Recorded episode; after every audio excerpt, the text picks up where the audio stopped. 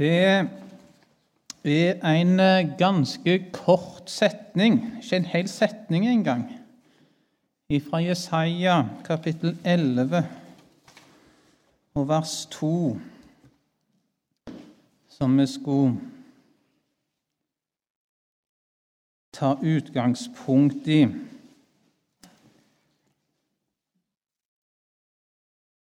Før vi leser det, skal vi fortsette å be litt sammen.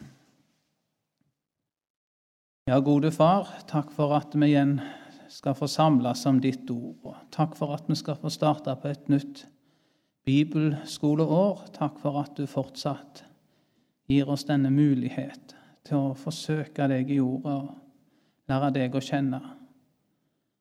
Og kom du oss nær, du gode Hellige Ånd, og åpenbar ordet ditt for våre hjerter, så vi kunne få tro og ha liv i Jesus. Amen.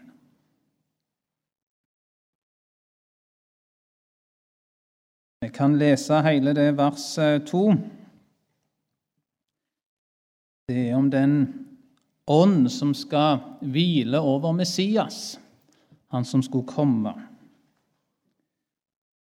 Og Herrens ånd skal hvile over ham, visdoms- og forstandsånd råds- og styrkesånd, den ånd som gir kunnskap om Herren og frykt for ham. Så var det den siste delen der vi skulle stanse ved.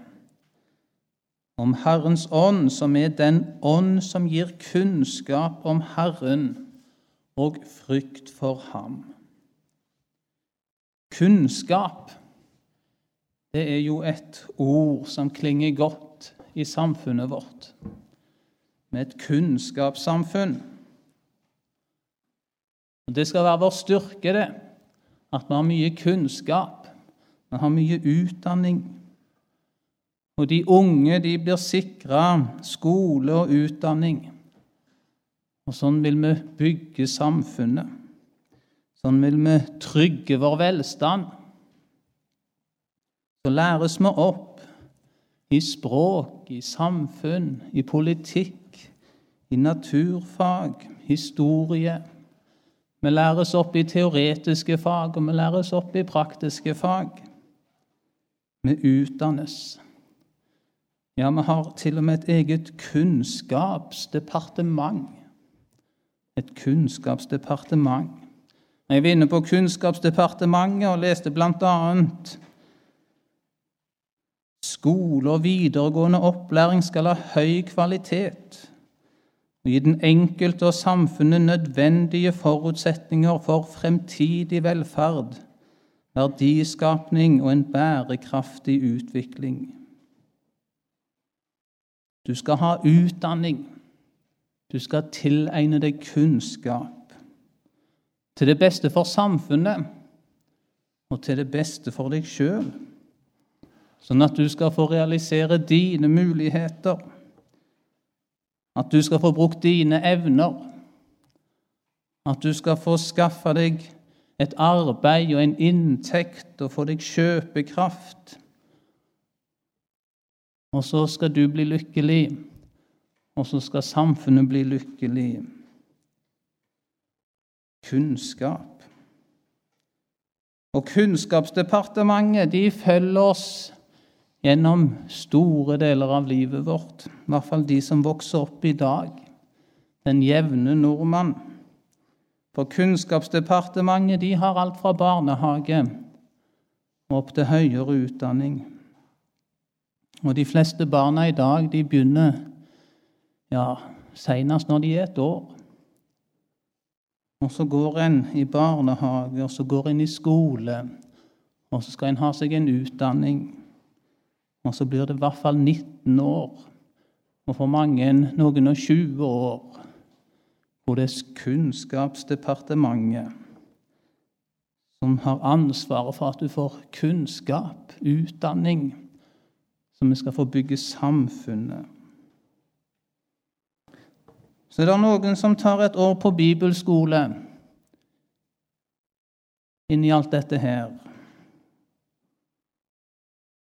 Og mange tenker nok om det at ja, det er et friår. Et friår fra dette jaget om å skaffe seg kunnskap.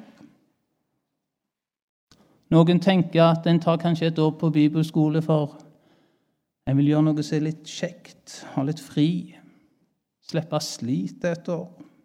For Det er jo slitsomt med skolegangen. Jeg så litt på læreplanen òg, jeg.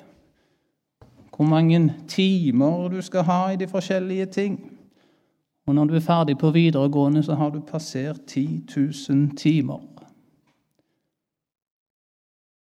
Da er det jo godt med et friår.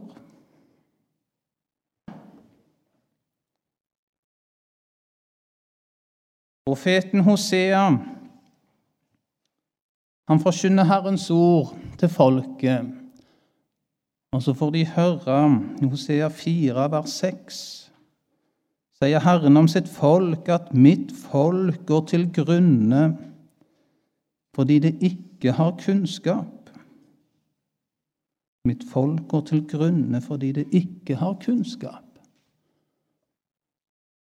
Det er en kunnskap som ikke lenger har noen verdi i vårt samfunn. Og det er kunnskapen Guds ord.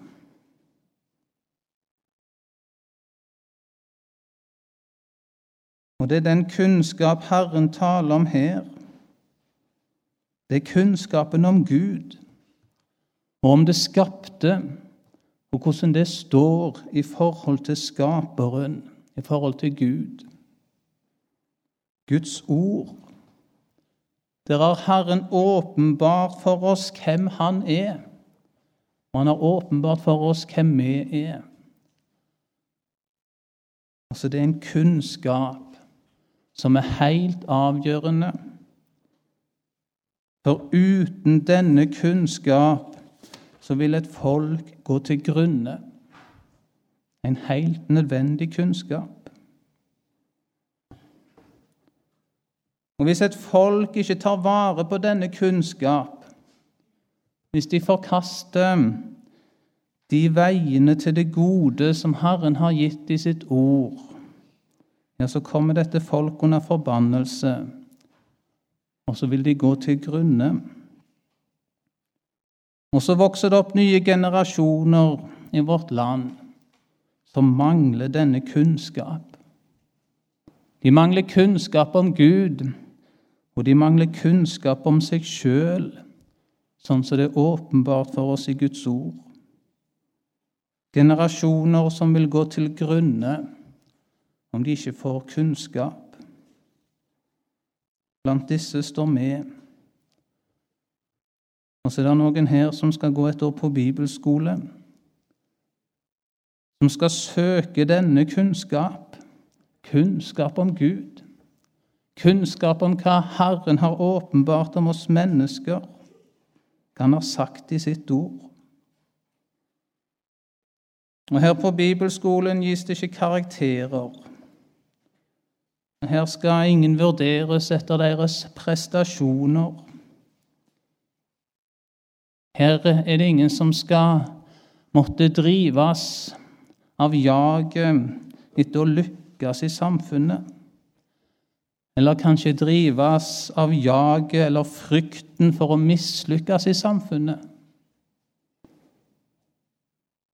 Og den er vel så stor som mange hos mange, frykten for å mislykkes overfor venner, familie og andre. Nei, du skal ikke drives av det her. Samtidig så er det mange som har bibelskolen i sine bønner, som vil at det skulle lykkes, lykkes å vinne denne kunnskap, lykkes i at en skulle lære Guds ord å kjenne. Og den bønnen, den går til Herren, Herrens ånd den ånd som gir kunnskap om Herren og frykt for ham.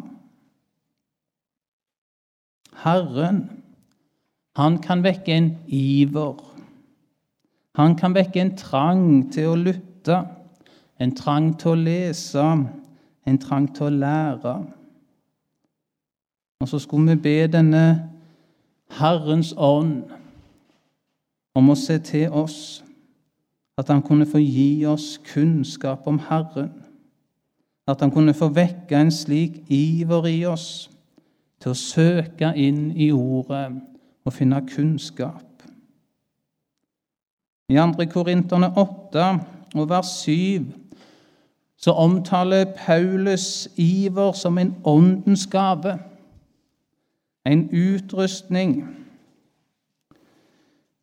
Og så var det om Herrens ånd kunne få vekke denne gave i oss, gi oss denne utrustning, at vi fikk iver til å søke inn i Guds ord og finne kunnskap.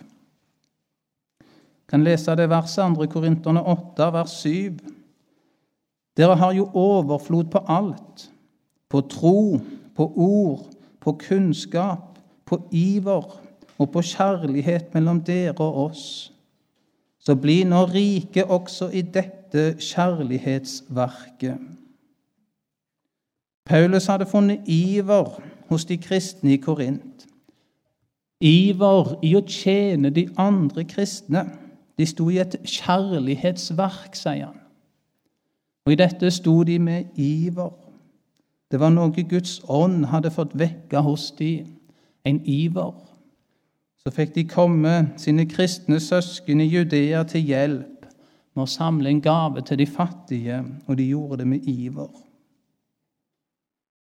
Og så skulle vi be om at Herren kunne få vekke en iver hos oss til å trenge inn i Guds ord, til å få del i denne kunnskap så vi trenger kunnskapen om Herren, kunnskapen i Hans ord. Og så er òg det et kjærlighetsverk.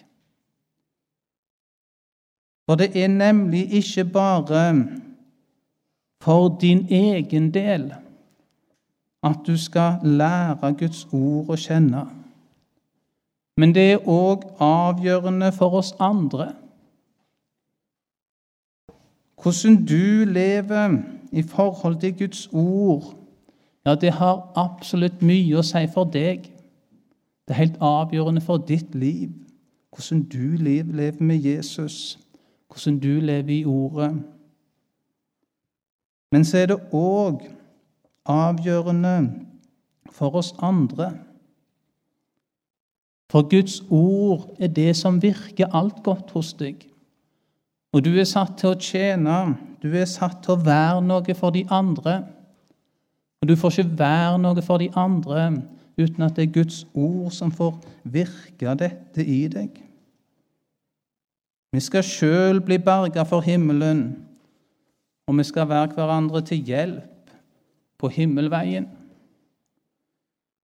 I andagsboka til Øyvind Andersen ved Kilden så leste jeg nå 10. august skal ta et par setninger fra det han skrev der.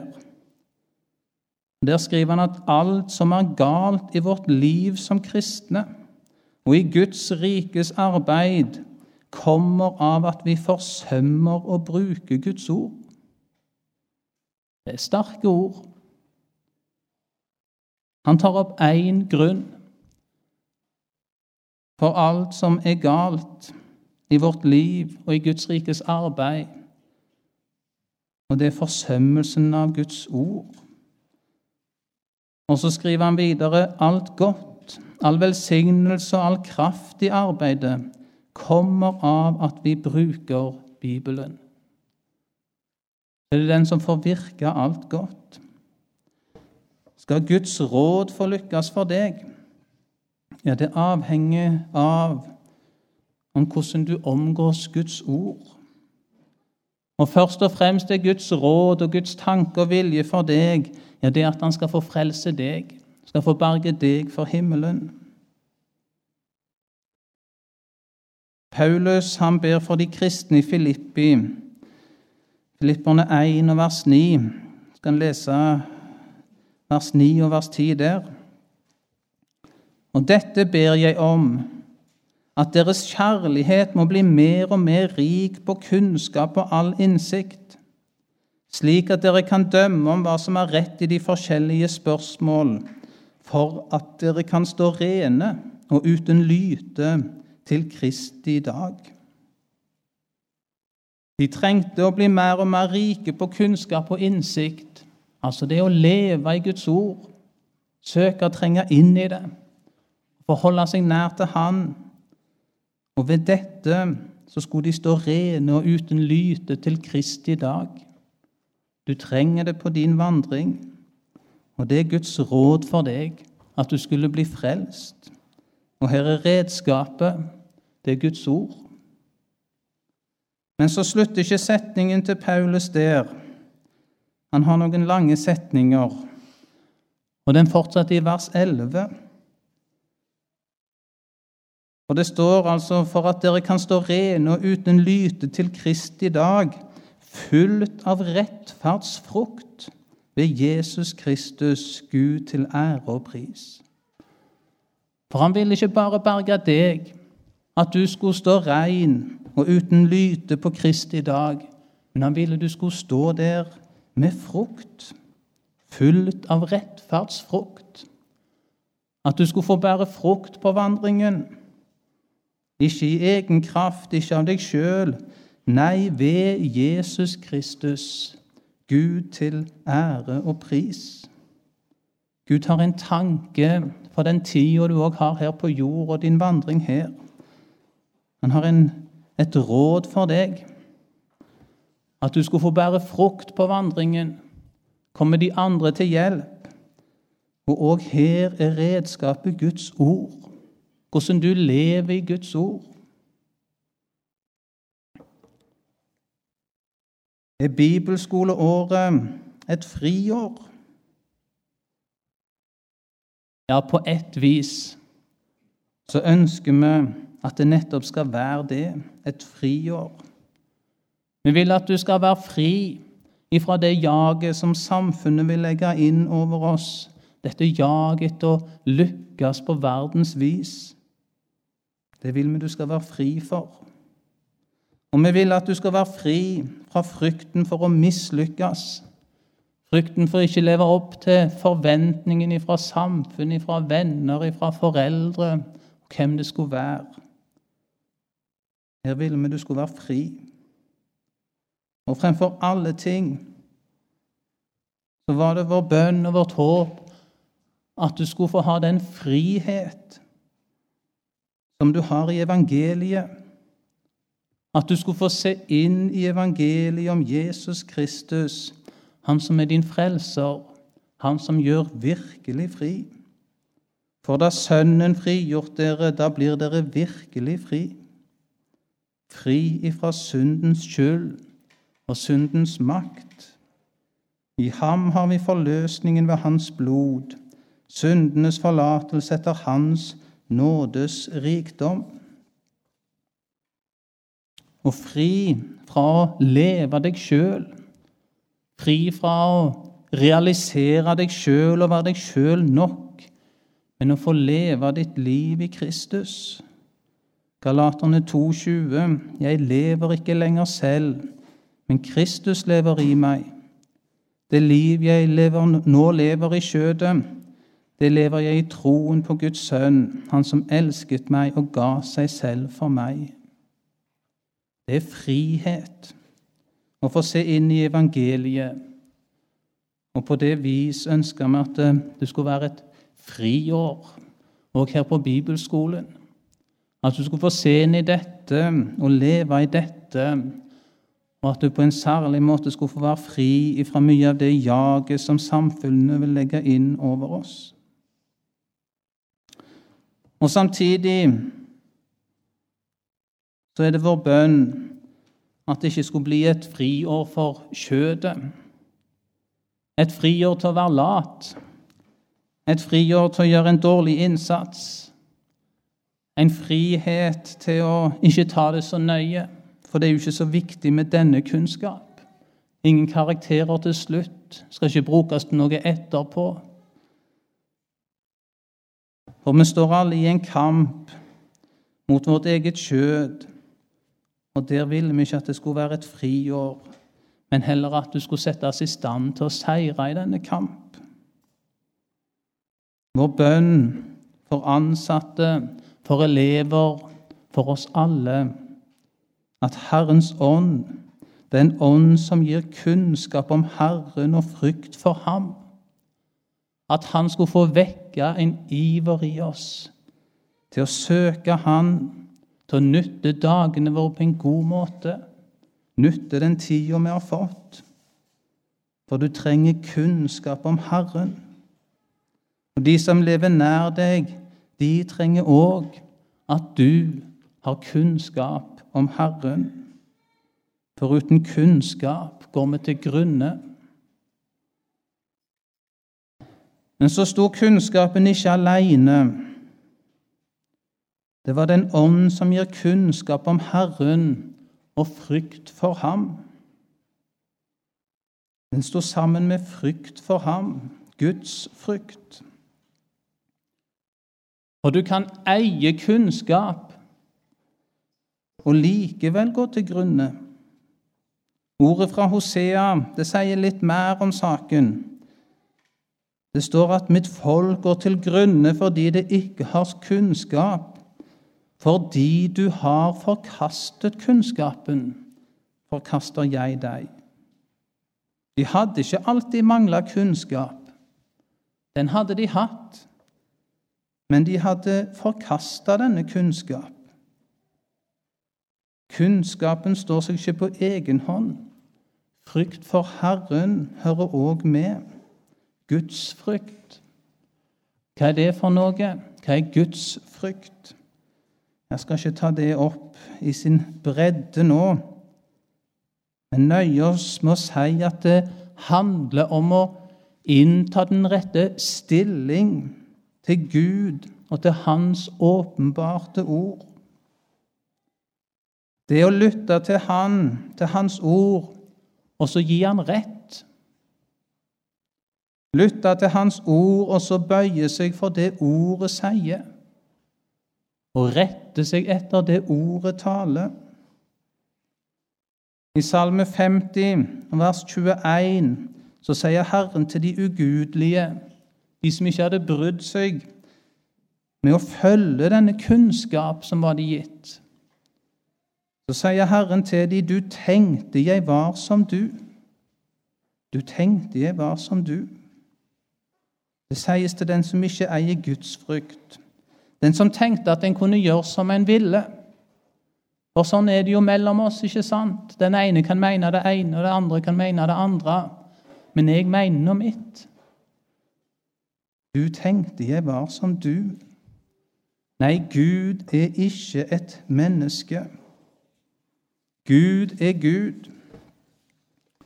Og Når vi taler om Guds frykt, så er vi på det mest grunnleggende. Noe av det første som må på plass i vårt forhold til Gud. Og det handler enkelt og greit om å holde Han for nettopp det å være Gud. Det er Han som er Gud, Han og Han alene. Du skal ikke ha andre guder foruten meg. Det er det første budet. Det er det mest grunnleggende. At Gud alene er Gud han og ingen andre, ingen og ingenting, skal ta hans plass. Han er skaperen. Alt annet og alle andre er hans skaperverk. Så bøyer gudsfrykten seg for dette. Den lar Gud være Gud, stille seg under Han. Det er den rette stilling overfor Gud. Det å stille seg under Han, det å bøye seg for Han. Og slik da òg med Guds ord. Det er Gud som taler. Og så bøyer gudsfrykten seg for ordet og gir det rett. Uten dette, uten Guds frykt, så blir ikke kunnskapen oss til hjelp. For vi bøyer oss ikke for det vi lærer der å kjenne. Vi leser ordet, men vi bøyer oss ikke for det. Leser ordet, men vi retter oss ikke etter det. Vi forkaster ordet. mens gudsfrykten bøyer seg for ordet, tar det imot og gir det rett. Satan, han eier mye kunnskap. Han kan sitere hele Guds ord, men han eier ingen Guds frykt. Han vil ikke bøye seg, han vil ikke gi ordet rett. Nei, det er nettopp det motsatte han vil. Han vil løfte seg over det. Han vil stille seg i Guds sted. Også det er òg menneskets stilling etter fallet. At vi i opprør mot Gud vil ikke bøye oss for Han, vil ikke gi ordet rett, vil ikke rette oss etter det. Og når Paulus i Romerne 3 oppsummerer menneskets totale syndeforderv, så avslutter han i vers 18 med at Guds frykt er det ikke for deres øyne. Det er som en oppsummering av oppsummeringen. De eier ikke Guds frykt vil ikke bøye seg, vil ikke gi han rett, vil ikke lytte til han. Og i oss sjøl er vi i en håpløs situasjon, for vi eier ikke den frykt for Herren som Han har rett på, som Guds ord gjør krav på. Men i denne situasjonen så kommer Gud sjøl oss til hjelp. Vi skal få be Herrens ånd, den ånd som gir kunnskap om Herren og frykt for ham. Gud, han kan. Vi eier ikke dette i oss sjøl, men vi skal få be Herrens ånd. Han kan gi Guds frykt, og han kan gi kunnskap om Herren. Jeg skal lese noen vers fra Ordspråkene kapittel 2 de første seks versene der. Min sønn, dersom du tar imot mine ord og gjemmer mine bud hos deg, så du vender ditt øre til visdommen og bøyer ditt hjerte til klokskapen, ja, dersom du roper etter innsikt og løfter din røst for å kalle på forstanden, dersom du leter etter den som etter sølv, og graver etter den som etter skjulte skatter. Da skal du forstå Herrens frykt og finne kunnskap om Gud. For Herren er den som gir visdom. Fra hans munn kommer kunnskap og forstand. Det står om å rope, om å leite. Det er i bønn til Gud at denne her søker etter kunnskap søker å lære Gud å kjenne i bønn, i rop, i leiting. Om Herrens ånd, at Han kan vende oss til Guds ord.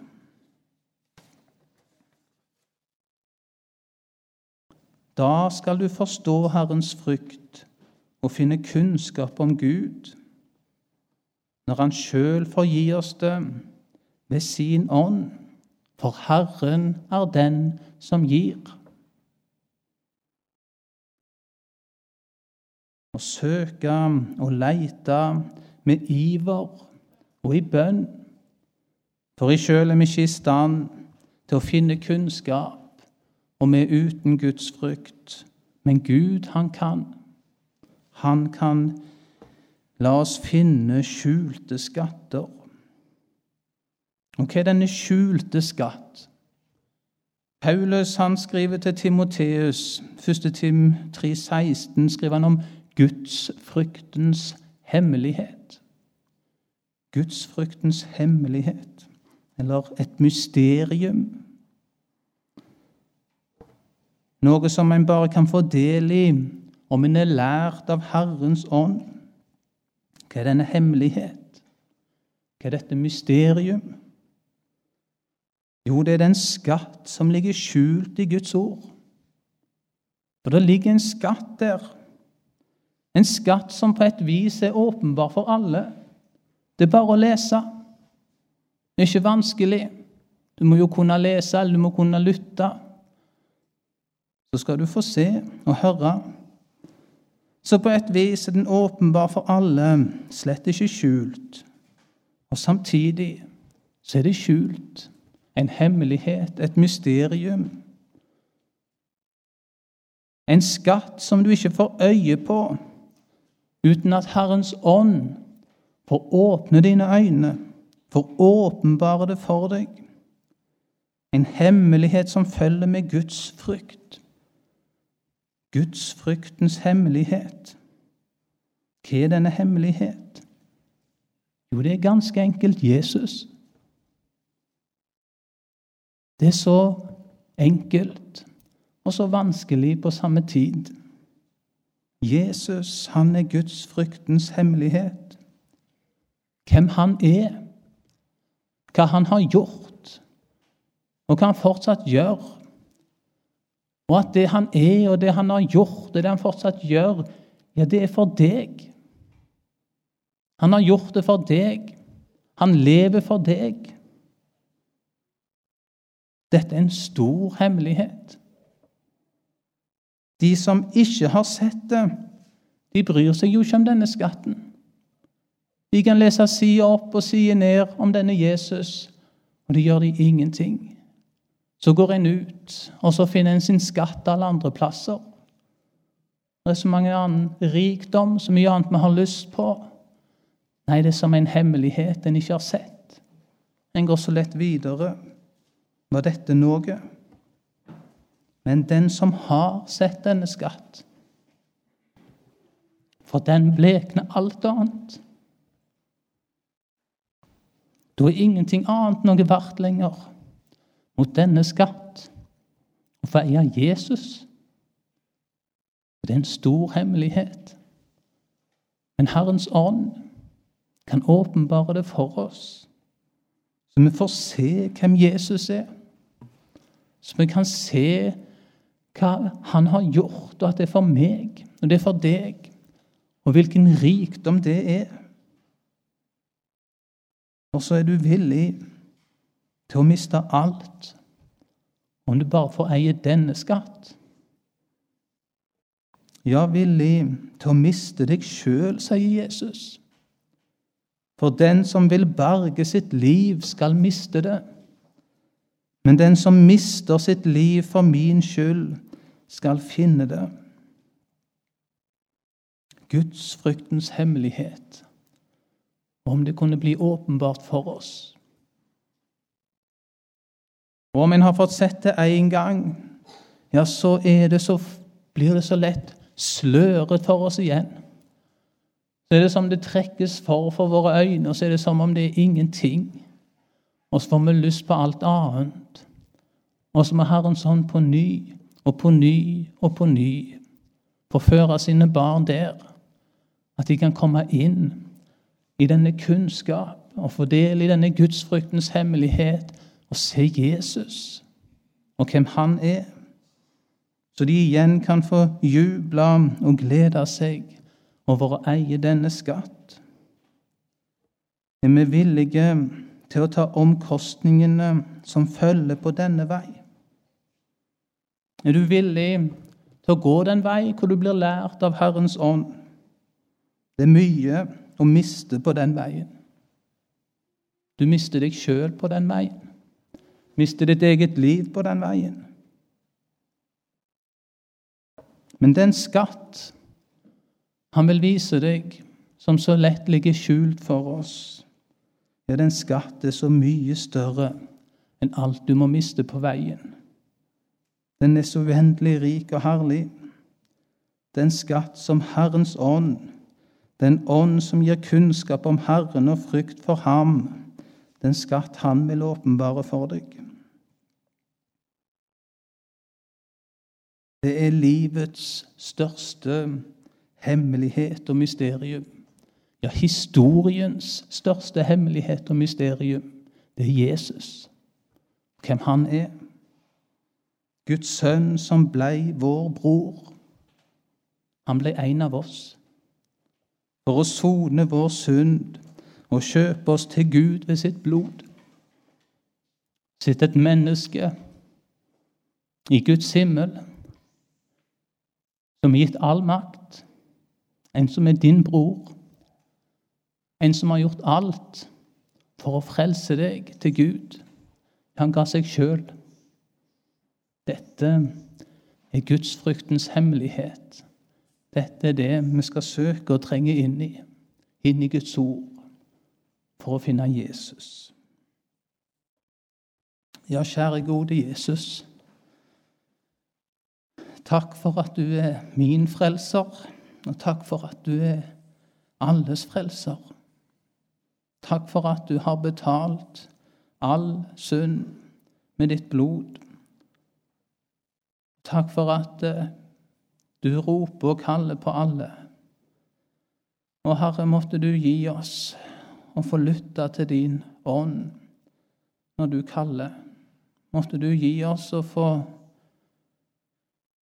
tåle å miste oss sjøl for å vinne deg, Jesus.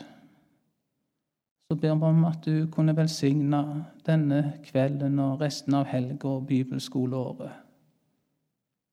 At du kunne få åpenbare deg for oss, Herre. Det er det vi vil.